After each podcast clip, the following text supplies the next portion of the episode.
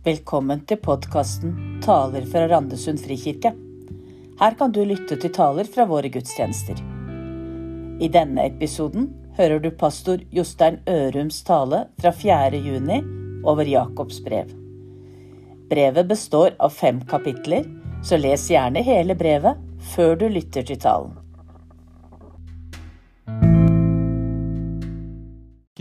Eller Siste uka før påske så var jeg i Vietnam.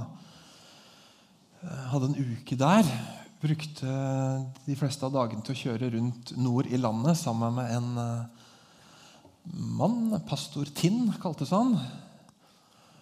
han eh, den 27. april 1975 så hadde han fått en telefon, eller Faren hans hadde vært og kjøpt billetter til USA. Det var to dager før Vietnamkrigen slutta. Han hadde vært offiser i hæren, og han lå veldig veldig dårlig an. Eh, nord, nordvietnamesiske hæren var i ferd med å rulle inn i Saigon. Eh, og Faren hans sa du, her er billetter til USA, nå må du ta familien din og så må du reise i dag. Hvis ikke blir du drept. Og så svarte pastor til nei, jeg må bli her og forkynne om Jesus til folket mitt. Og han har blitt, og i et halvt århundre så har han eh, vært og leda en kirke i Vietnam. Og i dag så teller de ca. 1200 menigheter i den kirken som han har. Det er hundretusener av mennesker som har eh, liksom kommet til i denne kirken. Og jeg kjørte rundt med han, med pastor Tinn, og besøkte menigheter i hans kirke. Og vi snakka sammen, og han forklarte eh, Vi var steder hvor det var akkurat bygd kirkebygg, eller det var kanskje ikke var. Og mange steder jeg var, så var på en måte kirke, kristendommen var i sin første generasjon eller andre generasjon. Sånn som i urkirka, som i apostelens gjerning. Eh, I de områdene jeg var. Og så lurte jeg på spurte pastor Trine hva, hva er det som skjer når folk da, en person eller en hel landsby kanskje blir kristne. Hva, så var jeg litt nysgjerrig på å vite hva forandrer seg. Eller hva, hva er forskjellen på før og etter da? Og så svarte han Jeg prøvde å spørre på ulike måter i løpet av uka, og svaret hans var som det er Liv forandrer seg, sa han så sa han ofte det, altså det at men menn, særlig da som tidligere som, var, eh, som levde i, i, rus og alkoholisme, som spilte bort pengene sine eh, og ikke klarte å ta vare på familien, de klarer det nå. De har reist seg og fått skikk på livet. og de klarer å ta. Det var så likt. Han svarte det. Jeg spurte alle landsbyene jeg var i, alle kirkene, spurte jeg, hva er forskjellen. Hvordan ser dere endringen her? Jo, det gjør noe noe i folks liv endrer seg. Noe i folks måte å leve livene på endrer seg. Litt uvant, sånn vi snakker om det i Norge. Det er ikke sånn jeg hører fortellinger norske, fra norske menigheter. at for Liv forandrer seg, sier de, og da ser naboen at her har noe forandra seg. Det vil jeg også ha. Så de, de sa det så direkte menneskene jeg snakka med, at vi er beviser på at Gud fins. Vi er beviser på Guds kraft. Endringen i våre liv er eh, det som forteller folket vårt at Gud finnes og er levende til stede i vår verden. Litt uvant, Vi hørte ikke noe si om Guds nåde har frelst oss. og sånn. Det, det, det, kunne de sikkert sagt hvis jeg hadde hatt lengre tid, men, men livene forandrer seg. Folk får skikk på livet sine og reiser seg opp.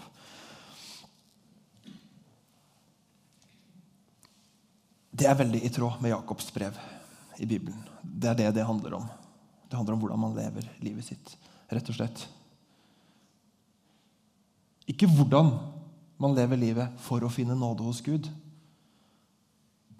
men hva troen på Jesus skulle kunne vise seg.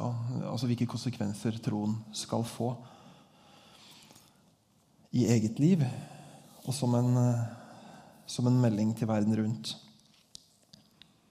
Så det, det er Jakobs brev i korte trekk. Så Jakob er allerede nevnt at uh, sannsynligvis så var det sønn av Maria og Josef. Det er fem uh, Jakober i Nytestamentet, og en av de som vi støter på, er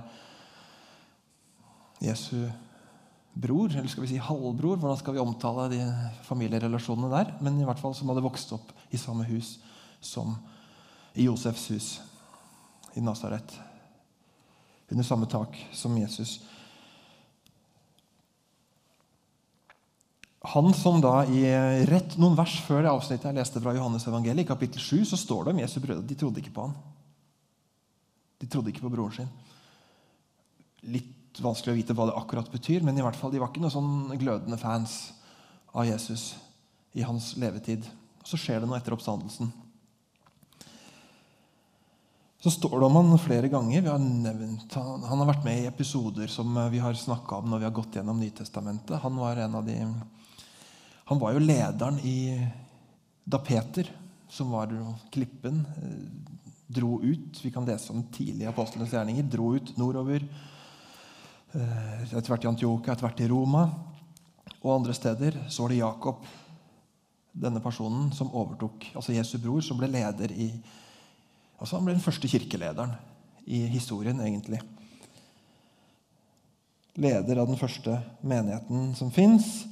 Og han var da Husker dere at vi har snakka om dette møtet i Apostelens gjerninger 15? Apostelmøtet, hvor så ufattelig mye står på spill. Hvor man skal Skal evangeliet om Jesus være bare for jøder, eller skal det være for alle? Også de som ikke er jøder, de som ikke har en jødisk mor, de som ikke er omskåret. Satt, satt på spissen, Er det det de diskuterer i dette møtet i apostelgjerningene 15? Det viktigste møtet i kirkens historie med god margin. Der er, der er det Jakob han er en av lederne. Han ser ut som han er møteleder. Så står det blant annet midt i kapittelet der Da alle hadde sagt sitt, så grep Jakob ordet og sa, 'Brødre, hør på meg.' Og så, altså Det som følger der, er på en måte en kompromissløsning. Han, prøver, han oppsummerer det som rører seg i Oldkirka. Og så, så, finner han en løsning som vi kan gå, som alle skjønte at det er den gode løsningen. Så han var, en, han var ansett for å være Han ble kalt den rettferdige. Uh, han ble ansett å være en, eh, en, eh, hva skal jeg si, en god megler. En sånn uh, harmoniskaper. Og sånn som i det møtet i, i kapittel 15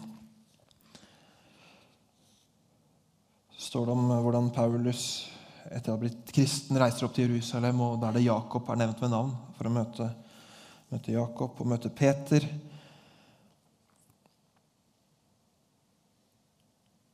Han skal bli drept i år 62 eh, ca. Og de fariseerne som, eh, som, vi hører så mye stygt om i evangeliene, de sier, eh, ikke bare tradisjonen, men sier et av de eldste kildene vi har til dette, Josefus, den jødiske eh, historieskriveren, skriver at fariseerne prøvde å spare Jakob. Ypperstepresten dømte han til døden. Fariseerne eh, ville spare han. De talte hans sak, for han hadde akkurat det de elska over alt annet. Rettferdighet og følge loven. Så Jakob var en sånn som levde et godt eh, liv, eh, på en måte rettferdig liv etter jødenes lov, og fulgte det. Og fariseerne likte det. Men han ble en av de første martyrer i år 62 ca. Da hadde han leda denne menigheten en, i hvert fall i 20 år.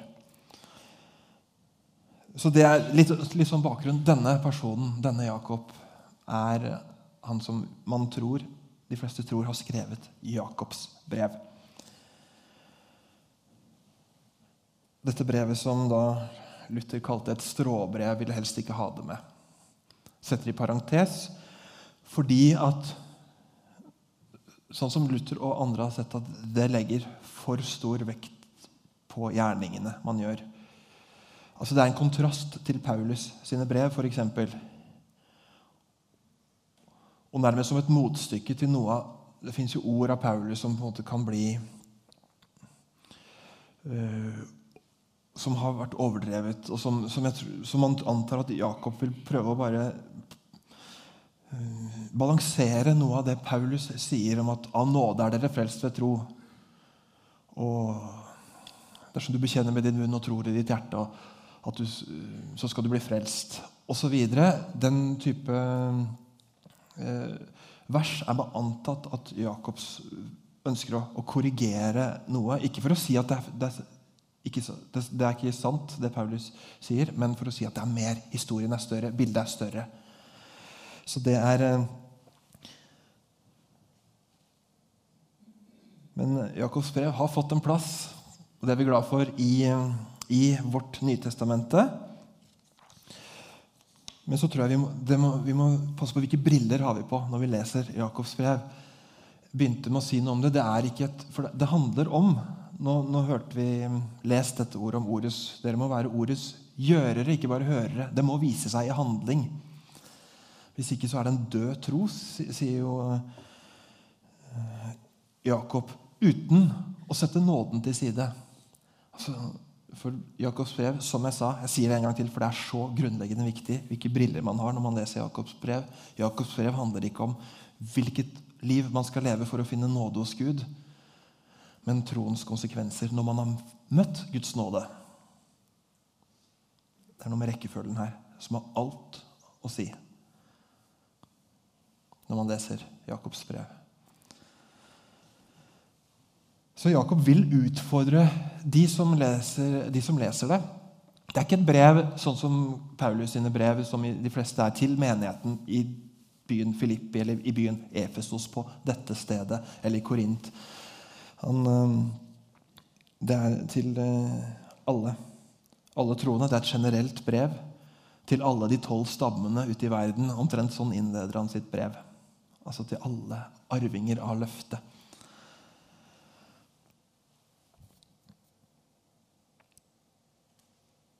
Så Jakob vil utfordre hvordan vi lever. Det er kraftfullt brev. Det er inspirert veldig av ordspråkene. Korte ordtak. Det er ikke så lett å finne en sånn tråd i det, annet enn at det handler om hvordan vi lever. Korte sånne one-linere, som det kalles. Eh, veldig sånn sitat. Lett å sitere fra Jakobs brev, for det er litt sånn slagordsprega. om å gjøre det ordet sier, ikke bare høre det. Ellers vil dere bedra dere selv. For eksempel, Som vi leste fra, fra, dagens tekst. Og så hang dere på tekstlesningen litt lenger. Altså to linjer lenger ned i samme avsnitt som jeg leste. Om ikke bare være en ordets hører, men en ordets gjører. Og så kommer det hvor han sier at den som gjør det, den som hører ordet og, og, glemmer det, og ikke gjør etter det, han er en som ser seg selv i speilet og snur seg rundt og så glemmer hva han har sett, og så bare fortsetter å leve livet som før. Men motsatsen er Men den som ser inn i frihetens fullkomne lov Altså evangeliet, da. Og fortsetter med det blir ikke en glemsom hører, men en gjerningens gjører. Altså Den som kan se på en måte hver dag Tenk, Du står opp hver dag og så ser du deg i speilet, antagelig. Jeg, jeg tipper at du gjør det. På et eller annet tidspunkt tidlig på dagen så har du sett deg i speilet. Men hvis det vi speiler oss i, er frihetens fullkomne lov, og det er det bildet på netthinna vår som vi kan ta med oss ut i dagen, da vil det gjøre noe med måten vi lever på måten troen viser seg i livet. Ikke fordi vi har en sånn pekefinger som nå må, du, nå må du være snill og nå må du gjøre det riktig, og nå burde du det, og nå skulle du gjort det. Men fordi vi har sett, sett inn og speila oss i frihetens fullkomne lov, så kan vi ta med oss det ut i livet, i møte med andre mennesker.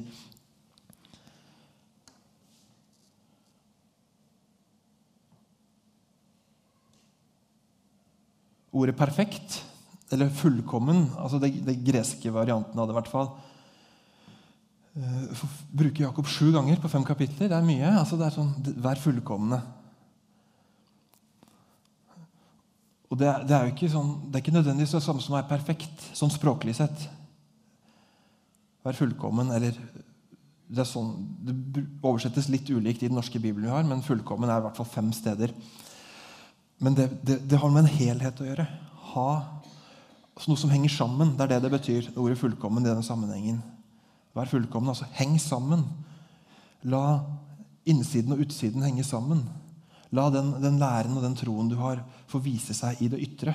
La det indre og det ytre være i samsvar med hverandre. Det er, det, det er en sånn type Integritet er jo et ord eh, på norsk som betyr omtrent det samme.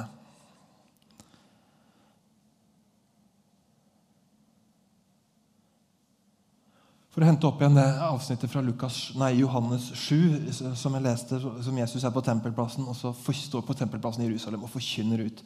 Og så sier han eh, Det er særlig én setning der som jeg skal trekke fram, som jeg har grunna mye på. Og det er um,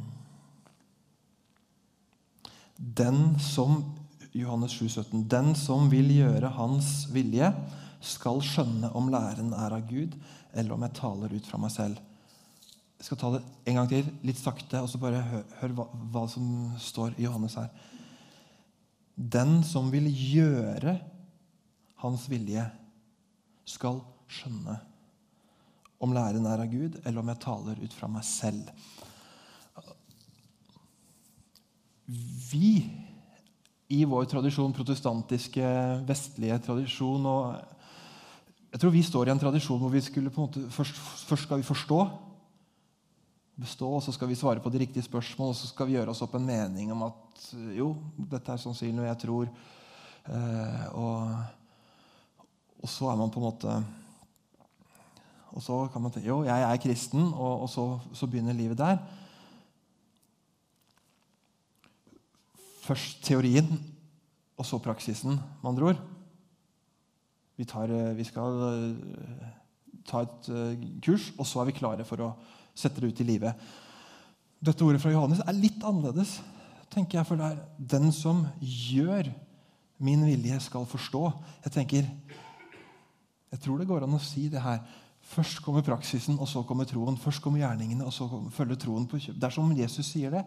For hvis du lever dette kristne livet, så vil du skjønne at dette er veien. Her er friheten, her er evangeliet, her er Gud. Så vil man se Gud.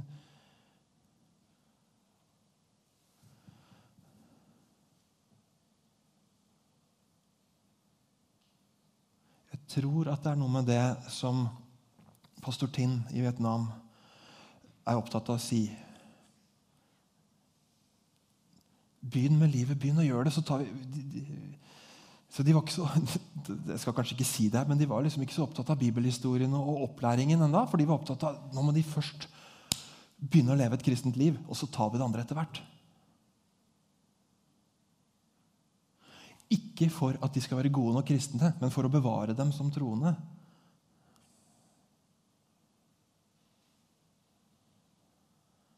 Få troen ut i livet så fort som mulig. Var, vi kjørte, Første dagen med pastor Tinn kjørte vi tolv timer. Andre dagen kjørte vi tolv timer i minibuss. Det var litt, litt slitsomt. Og så Tredje dagen så ville han være litt skånsom med oss og så tenkte at vi kan sove litt lenger.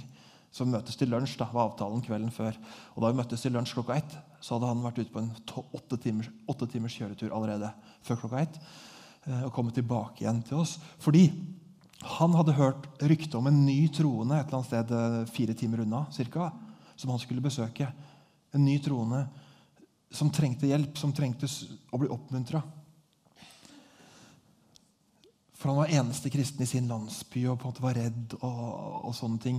Så da hadde pastor Tinn fått høre om det. Kjørte disse åtte timene for å møte han. Og så sa han Hva snakka dere om? Jo, jeg sa at han måtte begynne å dele troen sin til menneskene rundt deg med en gang.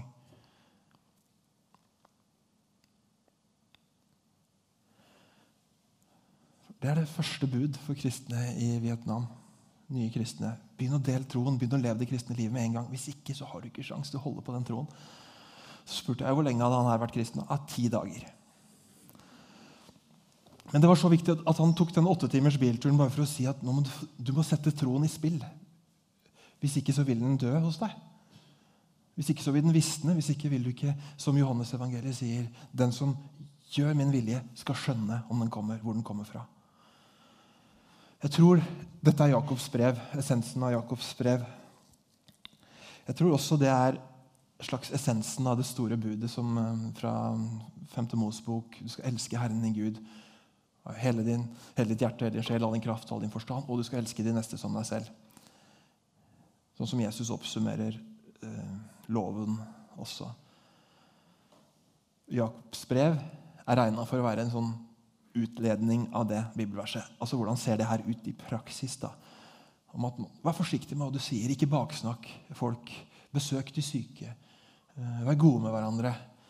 Eh, vis omsorg for den trengende. Snakk eh, kjærlig til hverandre. Det er så enkelt som det. Det er et veldig lite åndelig brev, men det er praktisk. Hvordan relaterer du til dem ved siden av deg, til dem hjemme? Det er så konkret som ikke skryt av det du har tenkt å gjøre. Det du har planlagt å gjøre. Ikke skryt av det, skriver Jakobs brev. Ikke sant? Sånn.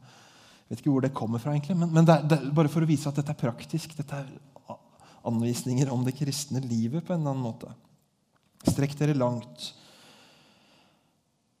Munnen skal brukes til å ære Gud, ikke baksnakke andre. Så, så dette, er ord, dette, er et brev som, som, legger stor vekt på det vi gjør, og hvordan vi lever livet, men ikke som en erstatning for troen, ikke som en erstatning for nåden. Gjerningene, det vi gjør, er bare en konsekvens. Det springer ut av det vi har sett i speilet om morgenen.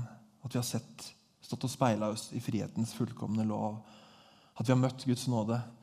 Og så kan vi selv bringe den nåden ut til verden. Så er det et sånn stråbrev som vi skulle strøket fra Bibelen, som Martin Luther sier? Nei, jeg tror ikke det. Jeg tror dette er helt i tråd med Det gamle testamentet. Det er helt i tråd med Jesu lære. Av, altså I Jakobs brev så er det flere henvisninger til Jesu lære enn i alle andre brev i Nytestamentet til sammen. Som peker på det Jesus, det Jesus har sagt. Så det er flere i dette ene brevet på fem kapitler enn i de andre brevene til sammen. Over 20 brev til sammen. Bare for å si at Det er tett kobla på Jesu lære. Det er inspirert av ordspråkene, men det er inspirert av bergprekenen. Jesu bergpreken. Jesu appell til hvordan vi lever livene våre. Fordi så Når jeg tenker på mine, våre kristne brødre og søstre i Vietnam Gi troen armer og bein, hender og føtter. Gi troen ord som du kan berøre menneskene rundt deg med. Så vil det gjøre noe med deg også. Så vil du se at dette er Guds vei. Dette er etterfølgelseslivet etter Jesus. Så Jakobs brev er for de som vil følge Jesus fra før. Det er de som eh, Jakobs brev er til. De som har lyst til å følge Jesus og la det vise seg i sitt eget liv. Og For å avslutte med en setning fra noen av dere hører kanskje på Bible Project, ser det på YouTube eller hører podkast, Bible Project, anbefaler en Helt fantastisk bibelressursbank. Eh, som de avslutter sin gjennomgang av Jakobs brev med å si den setningen her. Og da er det min siste setning også. Jakobs brev er nydelig, et nydelig utformet spark bak til alle som ønsker å følge Jesus. Jakobs brev er et nydelig utformet spark bak til alle som ønsker å følge Jesus.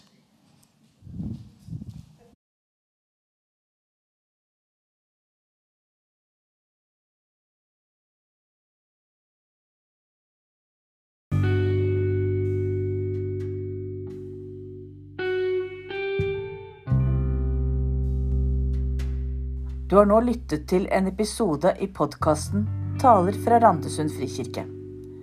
Om du ønsker det, kan du finne flere taler i samme serie på samme sted som du fant denne.